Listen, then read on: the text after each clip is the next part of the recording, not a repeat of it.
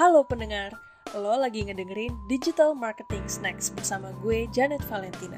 Di dalam podcast ini kita akan bahas segala sesuatu yang berhubungan dengan belajar digital marketing. Stay tuned.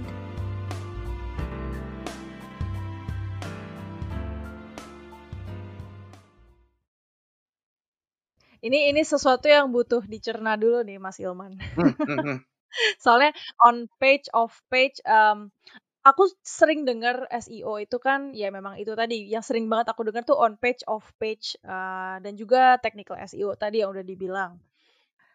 Gini sih, mungkin karena pendengar kita banyak yang uh, baru ingin memulai, Hmm. ingin memulai uh, misalnya punya blog Ya. atau website gitu ya, Ya. dan dan atau misalnya kepikiran pengen uh, bekerja sebagai SEO profesional. Ya.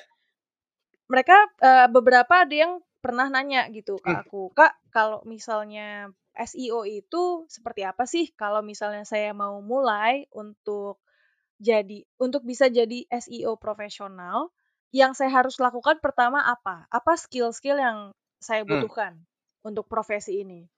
Kalau masalah eh, apa tadi skill set dasarnya sih sebenarnya ya basically skill-skill kayak ya problem solving gitu, critical thinking, analytics, number itu ya itu lumayan basic lah.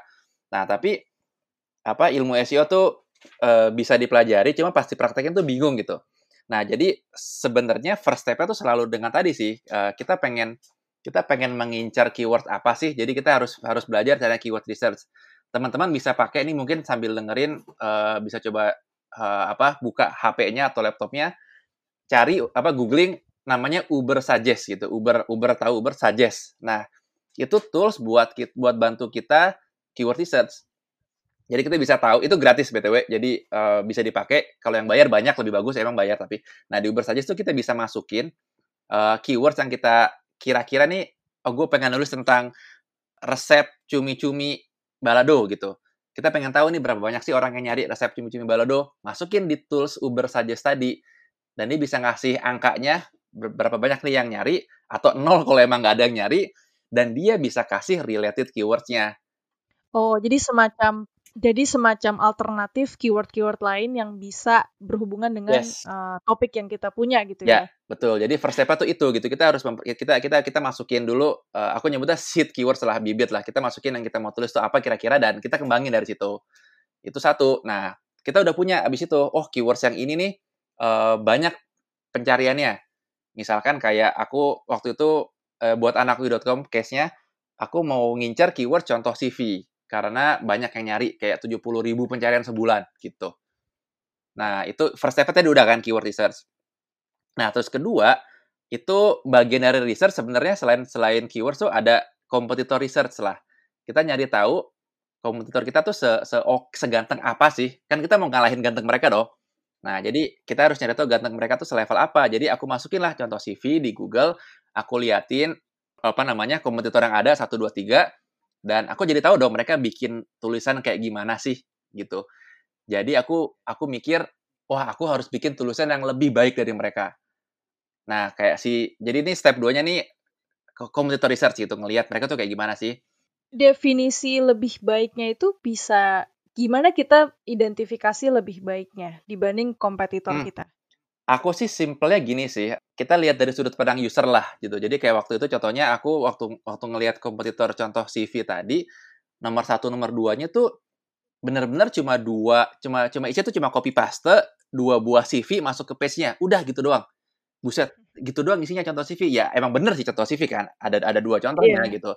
Tapi aku ngerasa, wah uh, I could do better nih. Jadi aku tuh bikin, uh, aku copy paste CV juga kayak gitu, tapi aku tambahin yang lain gitu. Nih manusia kan kreatif kan. Jadi kita ngeliat nih apa nih yang bisa bikin kita lebih ganteng dari kompetitor. Aku tambahin eh, apa desain-desain CV kreatif. Aku tambahin link ke download template CV. Jadi isiku tuh panjang dan lengkap gitu. Jadi secara gantengnya tadi on page-nya tuh ngalahin mereka.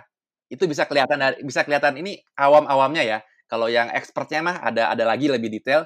Tapi awam-awamnya tuh dari dari mata aja dibaca, oh ini lebih bagus nih. Ide kita nih eh, tulisan kita lebih bagus, lebih lengkap, lebih enak dibaca dibanding yang lain buat kompetitor kita di keyword target yang tadi. Itu, itu step tiganya gitu, bikin konten yang better Hmm. gitu. Nah, Tapi berarti kalau misalnya cari yang lebih lengkap gitu ya, Mhm. apakah artinya semua artikel gitu Mhm. harus panjang untuk bisa mengalahkan kompetitor? Mmm. Atau sebenarnya ada juga artikel-artikel yang nggak harus panjang-panjang banget, tapi Oke. bisa mengalahkan artikel yang lebih panjang atau lebih lengkap? Oke, eee, apa namanya, kita tidak pernah tahu ya, eee, apa namanya, algoritma search-nya itu seperti apa. Tapi, eee, basic-nya adalah kalau mereka bilang dan emang emang emang kita jadikan patokan tuh user first gitu. Jadi, eee, apa namanya, apakah harus lebih panjang, apakah bisa tidak lebih panjang tapi ngalahin, itu kita tidak tahu. Yang yang yang yang yang pasti kita harus bisa coba ngalahin mereka. Makanya tadi ngelihat ngelihat, eee, apa namanya, target keyword kita masukin, kita liatin konten mereka kayak gimana gitu. Jadi kalaupun ternyata kita harus ngalahin mereka lebih panjang, ya berarti bikin lebih panjang lah. Tapi kalau misalkan ternyata di situ kok yang muncul menang tuh nggak panjang-panjang amat, ya berarti bisa jadi untuk untuk keywords itu nggak perlu panjang-panjang amat gitu. Tapi gimana cara kita bikin lebih lebih baik ya? Ya bikinlah mungkin lebih baik jadi ya bikin lebih baik, mungkin lebih panjang sedikit misalkan, tapi basically lihat kompetitor aja gitu. Oke. Jadi itu mungkin salah satu bagian dari banyak banyak bagian lain ya yang harus dilakukan ya Yes. untuk Yes. Pertama keyword research, eee, yang aku tangkap jadi hal pertama yang benar-benar harus didalamin itu adalah keyword research, eee, mengerti keyword-keyword apa yang cocok untuk digunakan untuk optimasi, eee, konten website kita. Betul. Terus selanjutnya apa lagi Mas Ilman? Setelah keyword research, eee, dan kita misalnya udah tahu nih, oh keyword research-nya, eee, saya sudah dapat ini ada beberapa kelompok keyword untuk website. Ya. Yang apa yang harus, eee, kita lakukan? Kita bikin bikin bikin kontennya dong. Yang tadi itu loh. Jadi kita dari keyword tadi, eee, kita punya keyword 1 contoh CV, 2 keywords misalkan contoh surat lamaran kerja. Nah, supaya apa, website kita bisa nangkring di sana, ya kita bikin page-nya gitu, kita bikin artikelnya. 1, kita bikin artikel tentang contoh CV, 2, kita bikin artikel tentang contoh surat lamaran kerja. Jadi kayak waktu dulu tuh aku di anakku.com, eee, research keyword tuh sampai kayak mungkin kayak 15, 20, eee, kayak topik beasiswa, beasiswa apa aja, A, B, C, dan itu masing-masing aku aku bikin kontennya. Jadi aku punya 20 punya 20 konten gitu. Nah, tapi yang kita tulis tuh apa sih sebenarnya gitu kan. Nah, itu makanya kita tadi bisalah ngintip-ngintip kompetitor tadi. Mereka tuh nulisnya apa sih dan kita bikin yang lebih baik dari mereka. Kalau mau tahu kompetitor caranya sesimpel nge-googling aja ya, Mas? Atau ada tools lain yang bisa dipakai Itu untuk cara monitoring? cara paling basic tuh gitu aja, gitu cara paling basic. Tapi kalau pengen pengen yang agak lebih advance itu kayak kayak bahkan sampai tahu, eee, apa namanya, mereka nge-ranking di keywords apa aja sih gitu.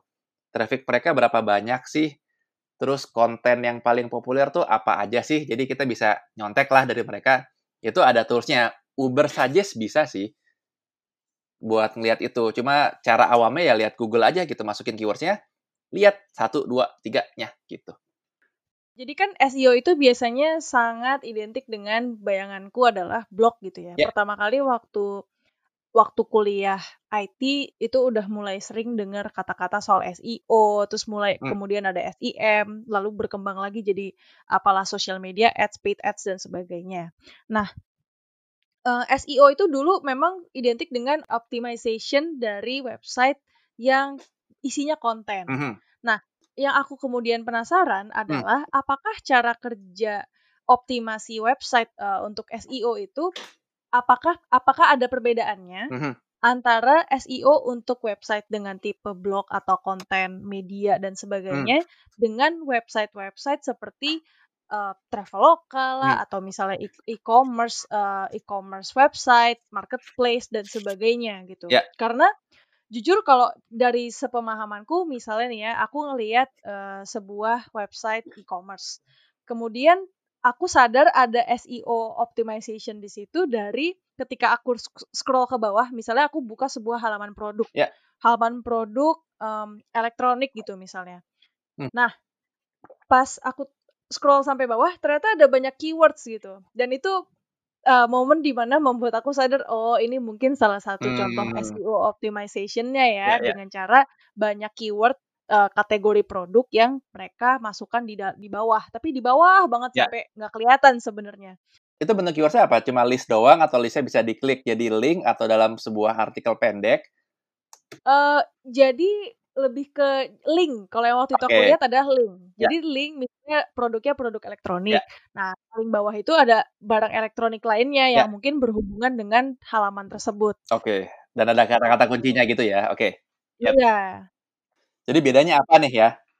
Jadi bedanya aku pengen tahu bedanya okay. apa sih? Apakah yang dilakukan itu caranya sama hmm. atau ada perbedaannya? Jadi, secara prinsip, secara workflow itu semua SEO tuh sama. Start dari keyword research, terus uh, kalau perlu tadi competitor research dulu. Uh, pokoknya basically satu research satu research kan. Nomor dua tuh on page, itu konten dan technical. Ketiga tuh off page. Pasti sama. Semua semua SEO, semua tipe website itu pasti sama yang membedakan adalah caranya itu emang masing-masing tuh emang punya nuance-nuance yang yang berbeda. Contoh, kalau buat contoh kayak buat blog nih, blog personal atau kayak aku tadi tuh uh, anakui.com. Itu aku nggak pakai backlink sama sekali. Jadi aku bikin konten lebih bagus dari kompetitorku. Aku share di Facebook. Uh, dalam semalam ada ada seribu orang yang nge-share sih di, di, di Facebook fanpage. Besok pagi udah muncul di halaman satu Google nomor 5. Biasa nggak secepat itu, tapi cuma dengan konten doang itu bisa bisa menang gitu. Nah kalau di kalau di blog itu gamenya biasanya memang benar-benar konten. Nah tapi kalau misalkan udah masuk ke eh, yang apa e-commerce gitu, Traveloka, Tokopedia segala macam, gamenya gamenya sedikit beda gitu. Target keywordsnya udah ada sama, kontennya, fitur-fitur marketplace-nya juga ada, kontennya tuh kamu kalau mungkin kamu suka ngeliat tuh ada yang paragraf-paragraf uh, beberapa paragraf di bawah gitu. Jadi misalkan halamannya ya kan halaman tentang apa jual laptop uh, bawahnya tuh ada jual laptop segala macam gitu-gitu. Nah, itu part of optimizing the content juga gitu. Nah, yang jadi cara kayak gitu isi isi kontennya marketplace tuh ada di ada ada di produknya, ada di plus di paragrafnya. Sementara kalau yang di blog biasa kan nggak ada nggak ada konten produk gitu-gitu kan. Nah, di, di di di marketplace tuh ada bagian itunya dan ada hal-hal yang tadi kamu bilang tuh istilahnya internal link. Jadi ada keywords-keywords, ada yang kalau diklik tuh bisa pindah halaman. Itu tuh bagian dari technical SEO contohnya. Ini contoh ya, itu salah satu contoh doang.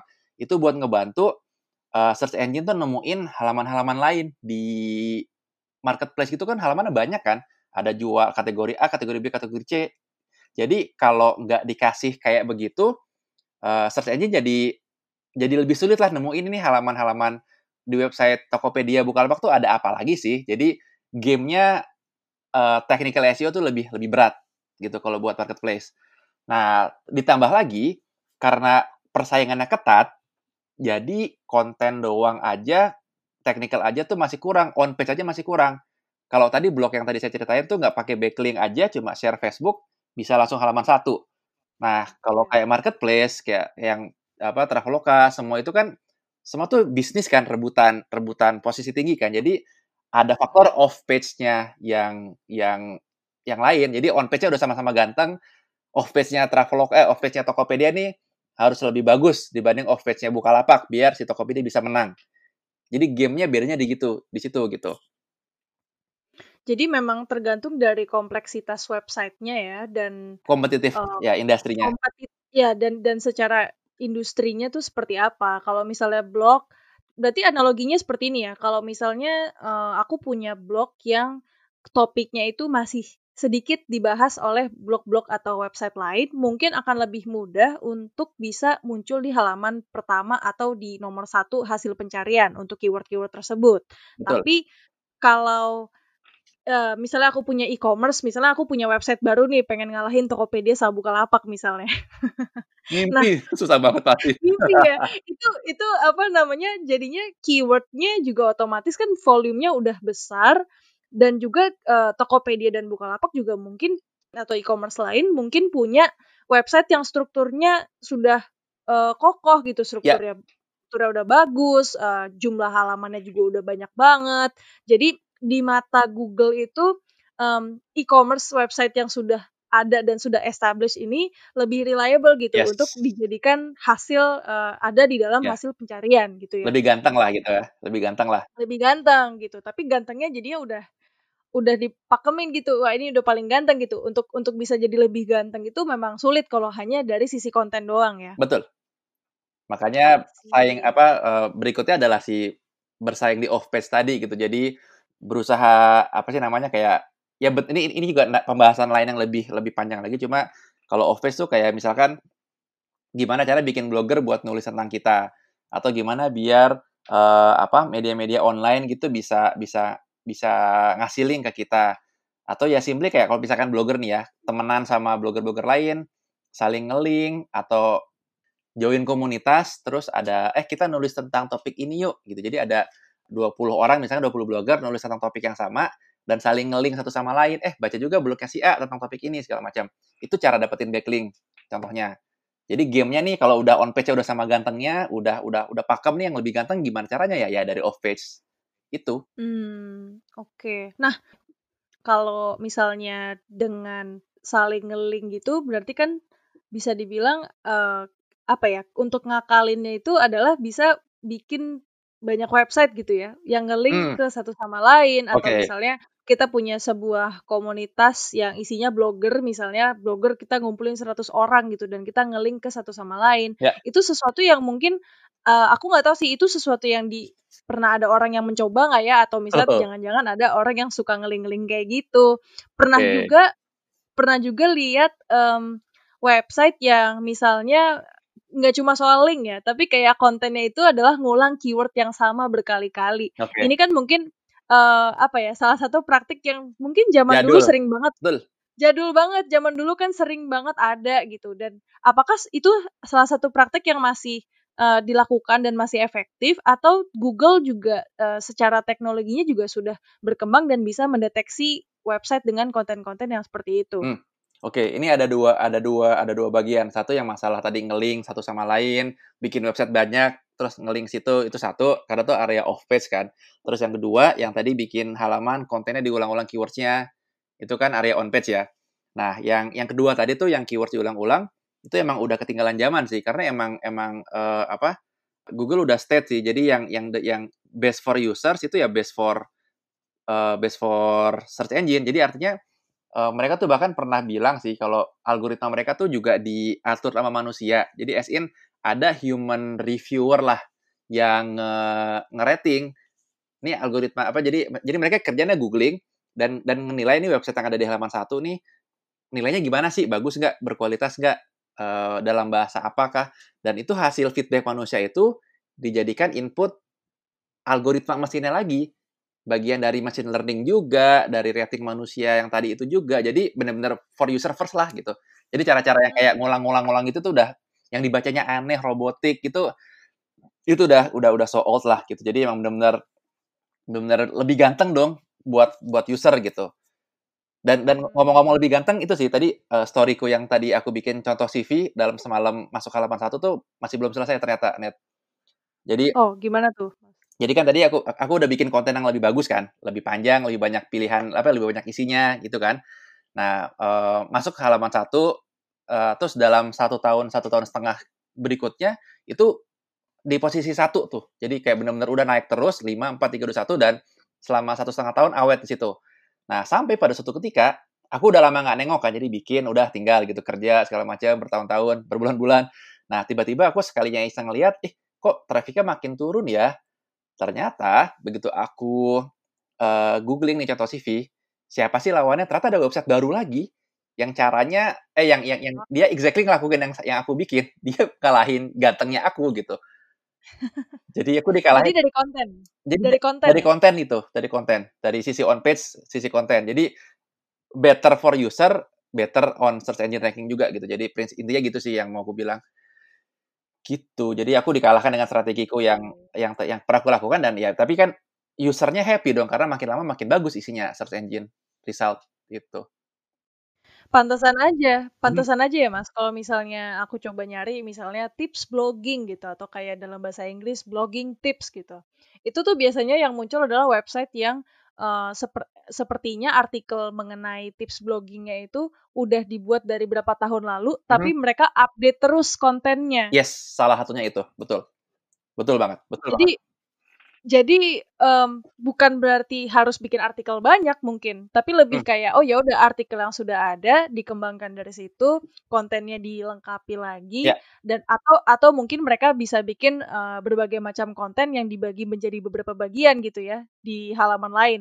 Jadi, kayak endless, apa ya, ibaratnya kalau YouTube itu kan ini kalau dianalogikan gitu, Mhm. kalau di YouTube itu kan mereka algoritmanya, eee, mendorong orang untuk nonton video, satu video, kedu video kedua, Ya. ke video ketiga, dan Ya. seterusnya, endless browsing gitu. Ya. Sama kayak Netflix misalnya binge watching. Nah, mungkin kalau misalnya untuk, SEO iya ya? kalau blog baca blog baca blog gitu, mungkin, apa ya, website ini mendorong orang untuk baca dari satu artikel ke artikel lain ke artikel Hmm. lain, dan itu juga yang membuat, eee, kualitas dari website tersebut dilihat bagus gitu oleh Ya, Google Search Engine. betul banget. Itu salah satu bagian dari, apa, on page technical tadi lah gitu. Jadi biar orang tuh kalau happy di tempat kita, eee, nggak langsung balik lagi ke search engine, tapi baca lagi terus artikel lain, dan saat artikelnya refresh terus, jadi ya, eee, si Google juga, apa, juga tahu gitu kalau misalkan artikel yang lama nggak di-update itu informasinya udah outdated, ya nggak bakal dimunculin di depan gitu, karena ada, eee, apa, artikel lain yang lebih fresh lagi misalkan. Jadi emang emang ya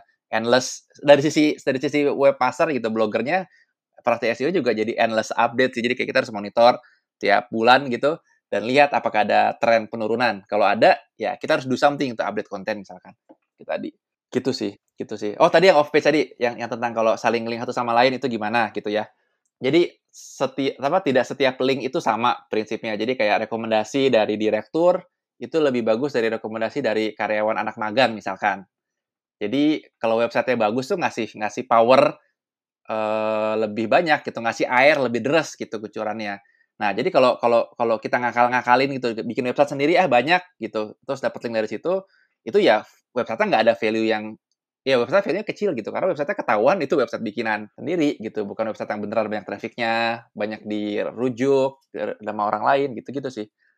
Jadi tergantung dari siapa yang me-refer, Yes, eee, blog kita. Nggak betul. bisa kayak, oh ya udah bikin blog aja banyak secara bersamaan, Iya. terus nge-link ke satu sama lain kayak siapa lu gitu Iya, ya. seju sejuta blogspot sama satu detik itu ya, satudetik.com itu ngalahin sejuta link dari sejuta blogspot tadi gitu. Kasarnya gitu ya, kasarnya gitu ya. Dan itu, eee, dinilainya dari penilaiannya si Google ya, Yes. yang yang mereka, mmm, ada istilahnya crawling ke dalam website-nya Yap. untuk lihat, eee, struktur dari website-nya, Yap. terus kontennya seperti apa, apakah navigasinya bagus, dan page, eee, page loading speed-nya juga bagus gitu Yap. ya, mmm, Betul betul betul. Tadi kan ada off eee, ada on page, ada off page gitu ya, tapi sebenarnya mungkin kita bisa balik lagi untuk, eee, mempelajari sebenarnya memang Hmm. cara kerjanya search engine itu seperti apa sih, dan search engine kan memang mungkin nggak cuma Google ya, ada ada yang lain juga, cuma mungkin yang memang paling banyak digunakan Yap. sekarang adalah Google. Boleh nggak dijelasin secara singkat untuk orang-orang yang masih pemula Hmm. dan awam, apa, bagaimana cara Ya. kerjanya search engine? Ya. Jadi itu tadi, eee, how to SEO kan tadi keyword research, on page, off page itu, eee, bukan ujuk-ujuk datang gitu, tapi itu dari dari dari emang berangkat dari cara kerja search engine. Dan cara kerjanya gini sih, eee, pertama dimulai dari yang namanya crawling gitu. Jadi search engine tuh punya pasukan, biasa digambarkan dengan laba-laba gitu, crawler karena merayap gitu, nge-crawl. Nah, laba-laba itu masuk ke sebuah page. Jadi kayak kayak kayak user kan masuk ke browser, masuk buka halaman website kan di di browser gitu kan. Nah, si crawler tuh juga kayak gitulah, dia masuk ke sebuah halaman, plek. Nah, dia ngapain di halaman itu? Dia nge-scan isinya, dia baca kontennya, baca topik-topiknya, dan dia berusaha memahami, oh ini tentang apa sih gitu. Keyword-keyword-nya, topik apa, eee, ya topik-topik, keyword-keyword ini tentang apa sih halaman gitu kontennya. Nah, info itu dia kirim ke markas pusat dia gitu. Jadi dari website kita ini di sini, dia kirim datanya gitu, eee, ke database, ke perpustakaan data namanya istilahnya indeks. Nah, itu ada namanya istilahnya indexing, itu itu mengirim, eee, data konten kita ke database-nya Google. Nah, si crawler tadi udah habis, eee, baca dan dan dan dan ngirim, eee, datanya ke indeks database perpustakaan tadi, dia kalau nemu link di dalam konten tersebut, dia bakal datengin gitu. Kalau kita kan kita klik gitu kan, kalau dia tuh ya masuk pluk gitu. Dan melakukan hal yang sama kayak tadi, masuk ke halaman nemu link, masuk ke halaman tersebut, nge-scan lagi isinya, mencoba memahami isinya, uh, dia ngirim lagi data tentang halaman itu ke search ke search engine index tadi uh, database-nya. Nah, itu satu hal tentang uh, crawling yang ngumpulin datanya dan dia melakukan itu sampai uh, banyak pages terkumpul lah uh, jutaan miliaran gitu kan. Nah, itu satu sisi dari sisi search engine. Nah, terus kedua dari sisi user, user masukin kata kunci di search engine kan, tek masukin. Nah, saat di enter, Google tuh bakal nyari di database dia mana sih halaman-halaman uh, yang relevan dengan topik tersebut. Gitu. Nah, terus kan ada, ada ada banyak halaman yang muncul loh, oh yang yang, yang menyebutkan tentang resep uh, brokoli udang, ada banyak. Nah, tapi mana yang ditampilin duluan? Itu ada lagi apa algoritma sorting. Nah, sortingnya hmm. diurutinnya itu 1 2 3, mana yang 1 2 3 itu berdasarkan tadi itu tingkat kegantengan on page-nya, terus uh, berapa banyak yang nge-link ke halaman tersebut. Kan Google kan nelusurin kan, tadi link masuk pindah halaman lain gitu kan. Jadi algoritma sortingnya tuh ngurutin dari tadi uh, kualitas pagesnya, kontennya tadi apa uh, relevan apa enggak, high quality apa enggak, terus backlink oh, backlink tadi off page itu banyak apa enggak, bagus apa enggak, yang skornya paling bagus, paling ganteng, paling banyak orang bilang dia ganteng itu nomor lebih tinggi gitu. Udah, habis itu ditampilin deh semuanya udah diurutin tadi ke search engine result, plek jadi. Nah, itulah makanya kita SEO tuh kayak tadi karena hmm. prosesnya kayak gitu. Nah, uh, berarti sebenarnya ini kan ketika orang nyari otomatis uh, mungkin apa ya rankingnya itu bisa berubah-ubah gitu ya secara dinamis karena hmm, hmm.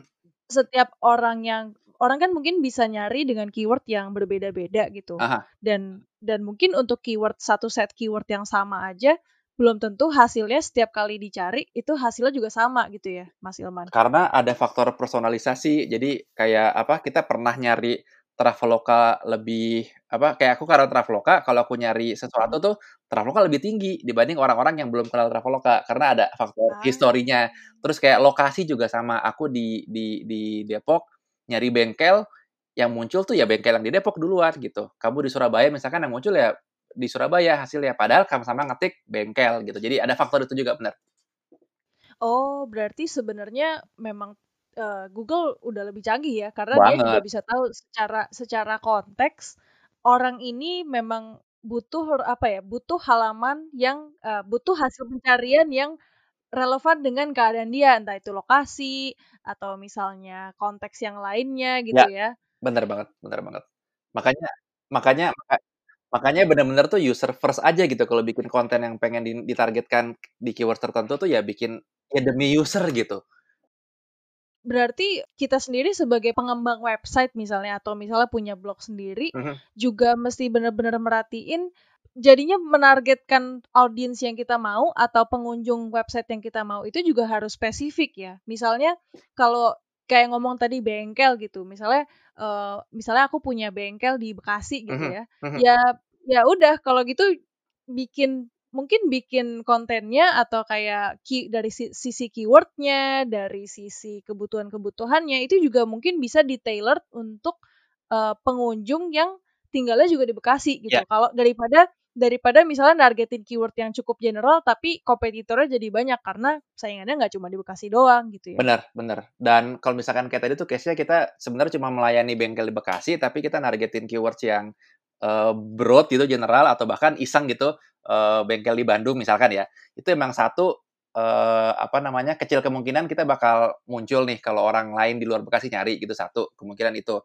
Terus kedua kalau ada pun kemungkinan tetap muncul kan tetap nggak bakal terjadi penjualan dong karena orang dari Bandung buka nyari bengkel gitu buka uh, Bekasi ya dia nggak bisa beli anyway nggak bisa pergi ke Bekasi juga dari Bandung kecuali, jadi sia-sia ya.